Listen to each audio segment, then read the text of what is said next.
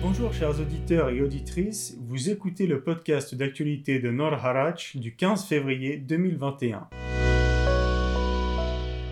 Caucase. De hauts responsables arméniens, azerbaïdjanais et russes ont tenu vendredi de nouvelles discussions sur les modalités d'ouverture de la frontière arméno-azerbaïdjanaise au trafic commercial. La deuxième session du groupe de travail trilatéral a pris la forme d'une vidéoconférence. Un communiqué du gouvernement russe a indiqué que les trois vice-premiers ministres avaient discuté du déroulement du travail conjoint découlant des accords russo-arméno-azerbaïdjanais. Ils ont approuvé un calendrier des travaux ultérieurs, a ajouté le communiqué sans donner plus de détails. Lors de leur réunion du 30 janvier, les vice-premiers ministres de Russie, d'Arménie et d'Azerbaïdjan avaient décidé de former deux sous-groupes d'experts chargés de traiter les questions de transport et les contrôles aux frontières.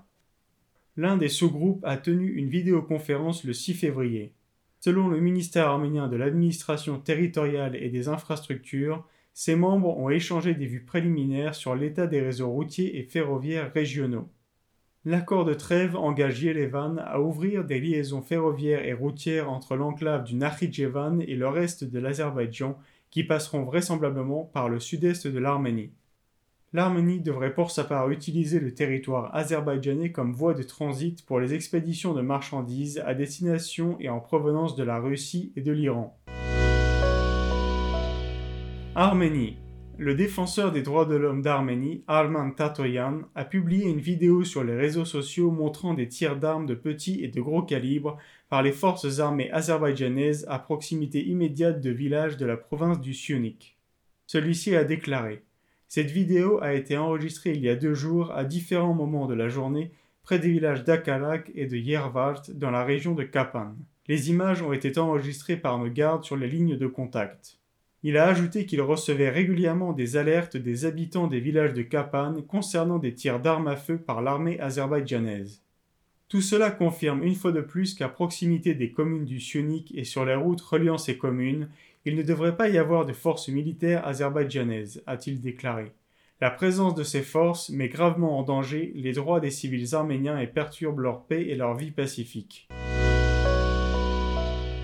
Artsakh le chef de cabinet du président d'Artsakh, Artak Beglarian, a déclaré que l'Azerbaïdjan a très probablement enterré des corps de soldats arméniens tués dans des fosses communes. Celui-ci a ajouté que des rapports circulent sur des enterrements de masse, ce qui aggrave le problème de la recherche et de l'identification des corps des soldats tombés au combat. Beglarian a promis que le gouvernement d'Artsakh enquêterait sur la question avec les organes compétents, y compris les forces russes de maintien de la paix au Haut-Karabakh. Beglarian a ajouté que des centaines de corps n'avaient toujours pas été identifiés, admettant que le processus avait pris plus de temps que prévu. Il a indiqué que le principal obstacle à ce processus était l'identification ADN. Arménie. Ce samedi, un tremblement de terre a frappé Yerevan et ses environs. Le séisme a été mesuré à une magnitude de 4,7 à son épicentre, à 8 km au sud-est de la capitale arménienne, a l'Agence nationale de protection sismique. Elle a indiqué que des tremblements avaient également été ressentis dans cinq des dix provinces du pays. Selon le ministre arménien de la Santé, le séisme n'a tué ni blessé personne. Le ministère n'a signalé que des blessures mineures subies par trois personnes à la suite de la panique causée par le tremblement de terre.